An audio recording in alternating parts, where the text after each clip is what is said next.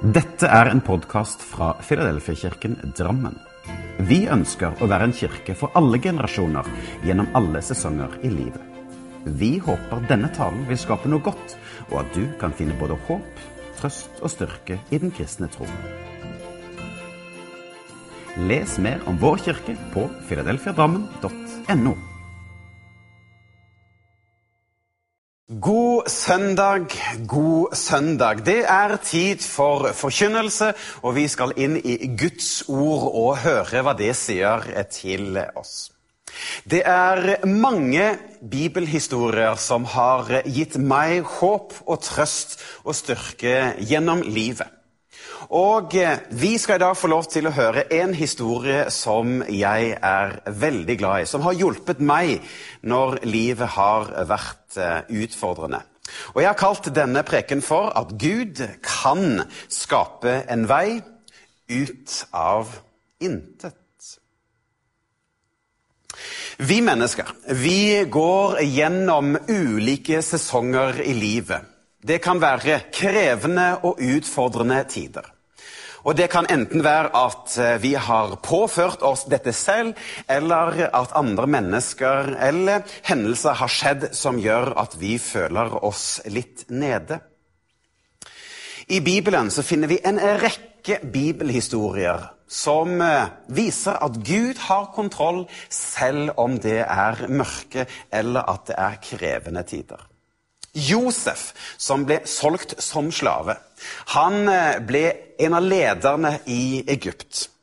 Moses, som drepte en mann, han kunne likevel bli brukt av Gud og var den som ledet folket ut av Egypt. Josva, som ikke visste helt hvordan han skulle komme inn og innta byen Jeriko, så kom òg Gud der og åpnet opp en vei, slik at Jerikos murer falt. Og Vi har også hørt om Gideon, som følte seg liten og ubetydelig. At Gud kunne bruke han. Så vi skal i dag få lov til å høre en flott historie. Men først må jeg ha en liten historietime med deg for å gi et lite landskap om hvor vi er i Bibelen. Vi skal altså til Det gamle testamentet. Og ca. år 1000 år før Kristus så ble altså David konge over hele Israel. Og Nå skal jeg ta oss og nevne en del årstall framover. Og husk at vi er før Kristus, så derfor går altså tallene nedover. Men 931 før Kristus så er det slik at Davids rike, som òg Salomo har overtatt, det deles i to, i Nordriket og i Sørriket. Går vi 300 år lenger fram i tid, så møter vi Nebukaneser. Kong Nebukaneser av Babylon kommer altså og inntar Juda, en del av landet Israel. Ikke hele, men deler av landet. Og tar med seg da noen unge menn og fører dem bort til Babel. Og Mest sannsynlig så var Daniel og hans venner Shadrach, Mesak og Abednego med blant de jødene som ble bortført til Babel. I 586 så kommer Nebukadneser på nytt, og nå inntar han og erobrer både Jerusalem og inntar og ødelegger og tempelet.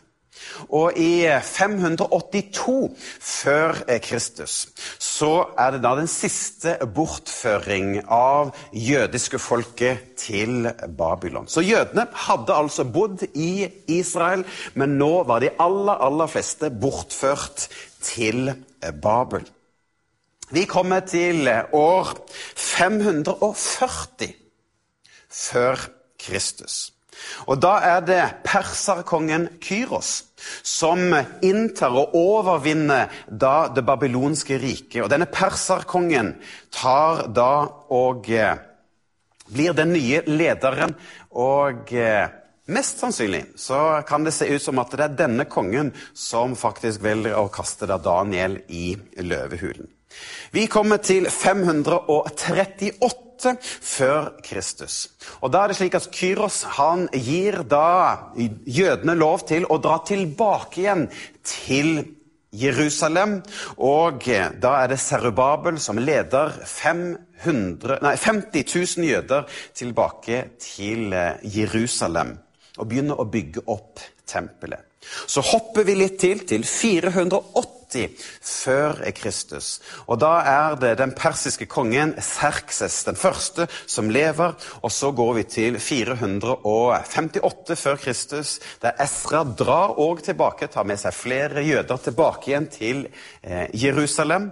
Og begynner å bygge opp eh, bymurene og tempelet. Og i 445 så kommer da Nehemja tilbake for å bygge opp Jerusalems bymurer.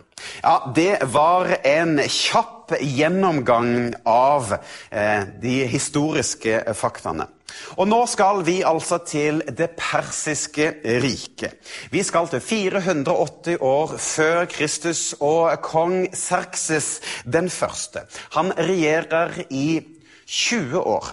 Helt fra India til helt til Etiopia så har han sitt svære rike.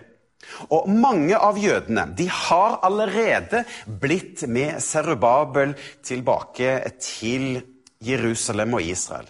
Og Nå har det gått da en 40-50-60 år, og nå er det fremdeles noen jøder som bor i Babel.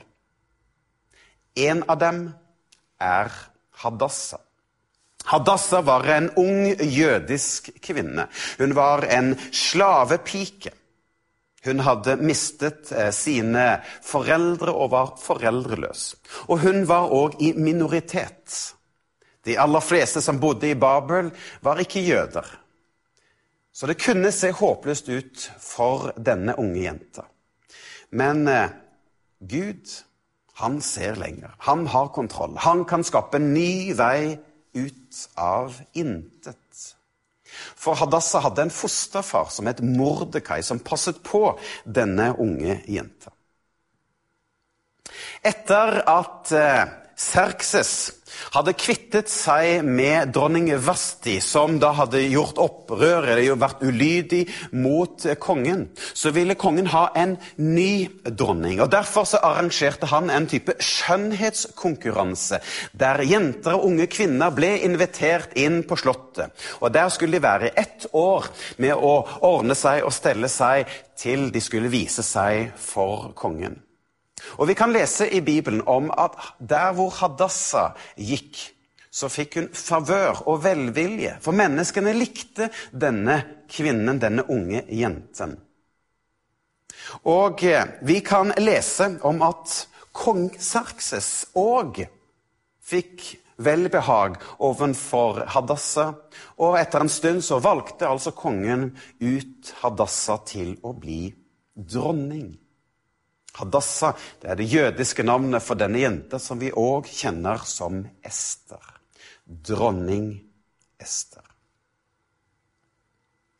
Det var en dag da Mordekai var utenfor Slottet, og han fikk overhøre en samtale. Og han fikk gitt beskjed til eh, dronningen at det var et plott mot kongen for å drepe ham. Og Ester hun kom inn til kongen og fikk avverget da dette. Og I denne tiden så ble òg denne mannen Haman kongens høyre hånd. Haman var en eh, ond mann. Og han forventet at alle skulle bøye seg ned hver gang han kom gjennom byen. Men Mordekai han nektet å bøye seg for Haman. Han ville bare bøye seg for kongen.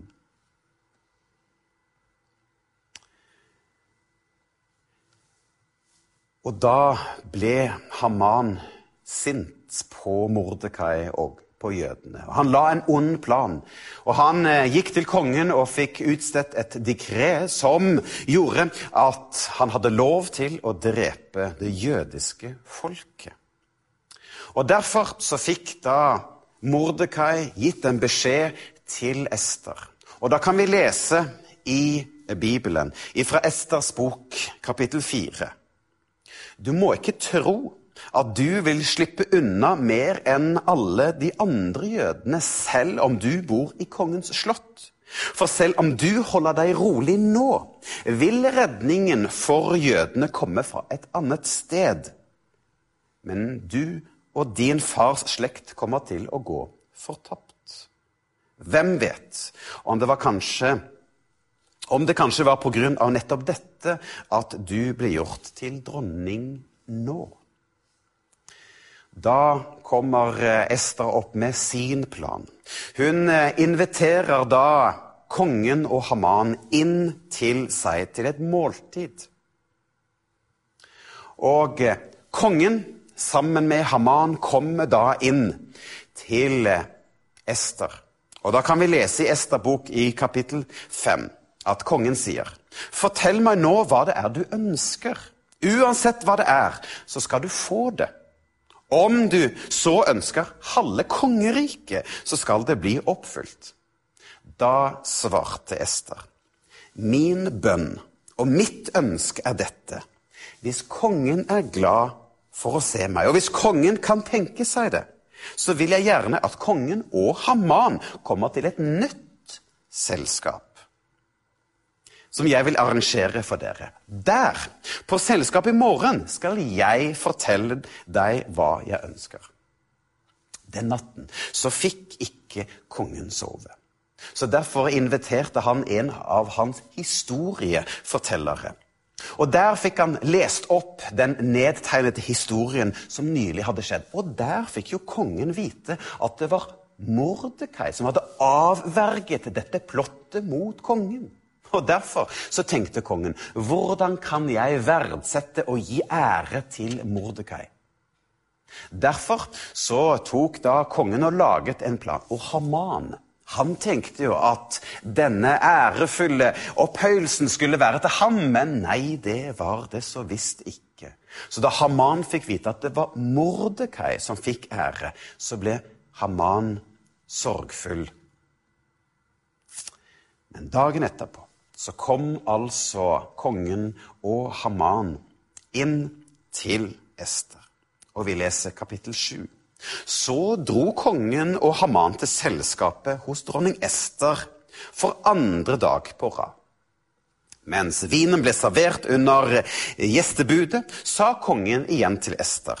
Hva ønsker du, dronning Ester? Du skal få hva du ønsker. Fortell meg nå hva det er du ønsker. Om det gjelder halve kongeriket, så skal det bli ditt. Da svarte dronning Ester, hvis du er glad i meg, konge, og hvis kongen synes godt om det, så la meg og mitt folk få leve. Det er min bønn og mitt ønske, for vi er blitt solgt, både jeg og mitt folk, til å utslettes, drepes og utryddes. Hvis vi bare var solgt for å være slaver og slavinner, så ville ikke jeg ha brydd kongen med dette. Men da, men da kunne jeg ha tid stille. Da ble kong Averus opprørt og svarte, Hvem i all verden er det som våger å gjøre slikt mot min dronning? Ester svarte, Det er Haman, vår. Han er fienden vår. Da ble Haman slått av skrekk der han satt med kongen og dronningen. Kongen han kvitter seg med Haman, og det er Mordekai som da blir arvtakeren etter Haman. Denne dramatiske historien, hva er det den kan lære oss i en tid som denne? Jo, jeg har lyst til å gi deg fire sannheter som du kan ta med deg i dag. Og det første Dersom du føler deg liten eller ubetydelig eller svak, så kan du gå til Gud, og så vil Han gi deg den styrken som du trenger. For på lik linje med Ester, som var en slavepike, var foreldreløs og var i minoritet, så kunne altså Gud bruke denne unge kvinnen til noe stort, selv om det så lite ut. For Gud, han trenger villige hjerter, villige hender og villige mennesker som ønsker å si ja, her er jeg, bruk meg. På et av mine album av musikk som jeg har laget, så har jeg tatt med meg en flott sang som jeg har blitt så veldig glad i. Og den har òg betydd mye for meg i ulike deler av mitt liv. Sangen den heter 'Hjerteslag' og er skrevet av Benedicte Vikebø fra Bergen. Og hun skriver Gud, vekk opp mitt indre, så jeg kan lære å tenke som deg. Gud, åpne opp mine øyne, så jeg kan se hvem som trenger deg gjennom meg. Og så kommer refrenget, for jeg vil gå dit du går. Hvor enn du kaller, hjelp meg å følge. Jeg vil se de du ser, hvert knuste hjerteslag. Og det er som om jeg ser for meg Ester synge på denne sangen at jeg vil gå dit du går. Hvor enn du kaller, hjelp meg å følge. Jeg vil se de du ser, hvert knuste hjerteslag. Du kan altså komme til Gud, og han vil gi deg den støtten og styrken som du trenger. Vi har jo dette møblementet stol. Og eh, en stol er jo at vi kan sette oss ned. altså Vi kan innta en posisjon for å hvile. Men i dette så ligger det òg det å stole på, men òg ha tillit til at stolen bærer oss. Og slik er det med den kristne tro, at det er Jesus som bærer oss. Det er ikke vi som skal bære ham, eller det er ikke vi som skal bære troen, men han skal bære oss. Og vi kan innta en posisjon ved å sette oss ned i tillit og stole på at Gud er med når ting er krevende. Det andre jeg har lyst til å si, det er at dersom alt ser håpløst ut, så kan Gud skape en vei ut av intet. For i eh, denne historien om dronning Ester så var det slik at Haman laget da denne onde planen for å kvitte seg med alle jødene. Og det kunne se håpløst ut. Men når alt ser håpløst ut, så har Gud kontroll likevel. Og det handler om å stole på ham. I eh, teologien så har vi et latinsk ord som heter ex nihilo, som betyr ut av intet. Altså, Gud er en skapende Gud, og han kan skape ut av intet. Når vi går til Bibelen, så kan vi se gjentatte ganger at Gud er denne skapende guden som skaper noe fra ingenting. Ja, kosmos ble skapt ut av ingenting. Gud ga Abraham og Sara en sønn ut av intet. Han eh, åpnet Rødehavet. Han eh, ga manna fra himmelen ut av intet. Og på samme måte så kom Den hellige ånd og unnfanget Guds sønn ut av intet. Eller at Geirus ble vekket opp fra de døde, eller Lasarus som ble vekket opp fra det døde, eller Jairus datter som ble vekket opp fra det døde, men òg Jesus Kristus som ble vekket opp igjen. Ut av intet. For at Gud kan ta tak i det som ser ødelagt ut, som ser knust ut, som har falt sammen. Og så kan han ut av intet skape noe nytt. Han kan skape muligheter, håp gjenopprettelse og trøst der hvor det er mørke. Det tredje jeg har lyst til å si, det er at når ting kan virke overveldende, og det kan virke for voldsomt, så skal vi ta med oss dette at vi skal være til stede i en tid som denne. Ja, versene i Ester 4,12 som sier 'Hvem var det hvem vet om det kanskje var pga. nettopp dette at du ble gjort til dronning. Eller som en annen oversettelse sier, at hvem vet om du ikke er kommet til dronningverdigheten for en tid som denne? Ja, jeg tror at vi er skapt når vi skulle leve.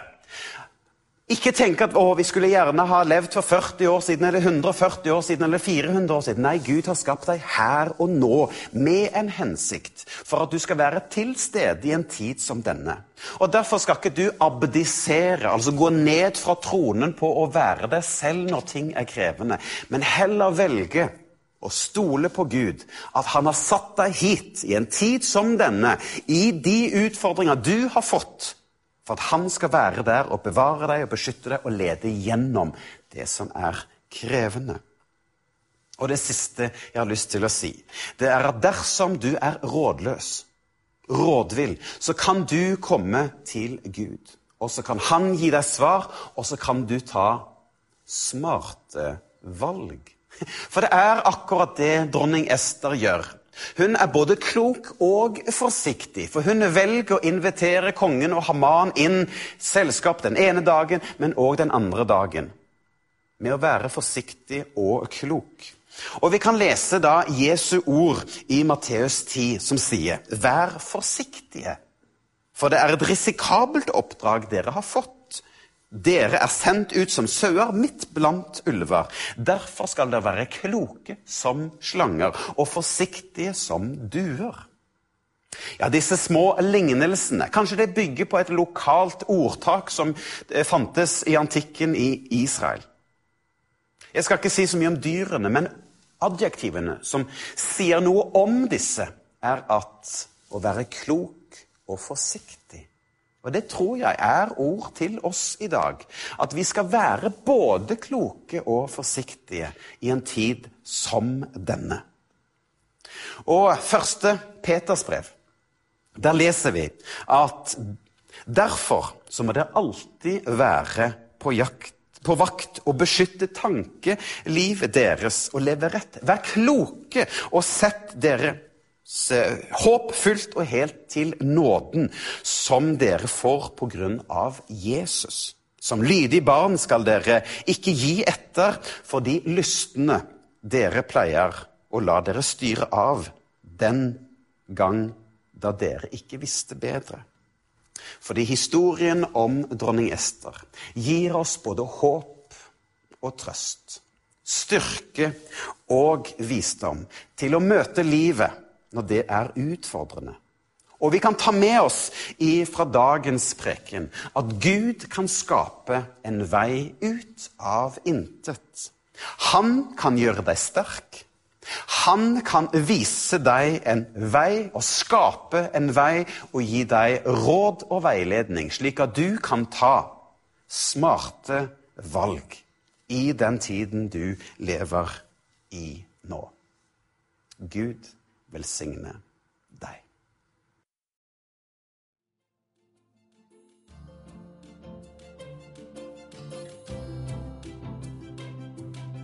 Som en avslutning på denne podkasten ønsker vi å lyse Herrens velsignelse over deg. Herren velsigne deg og bevare deg. Herren lar sitt ansikt lyse over deg og være deg nådig. Herren løfte sitt åsyn på deg og gi deg fred.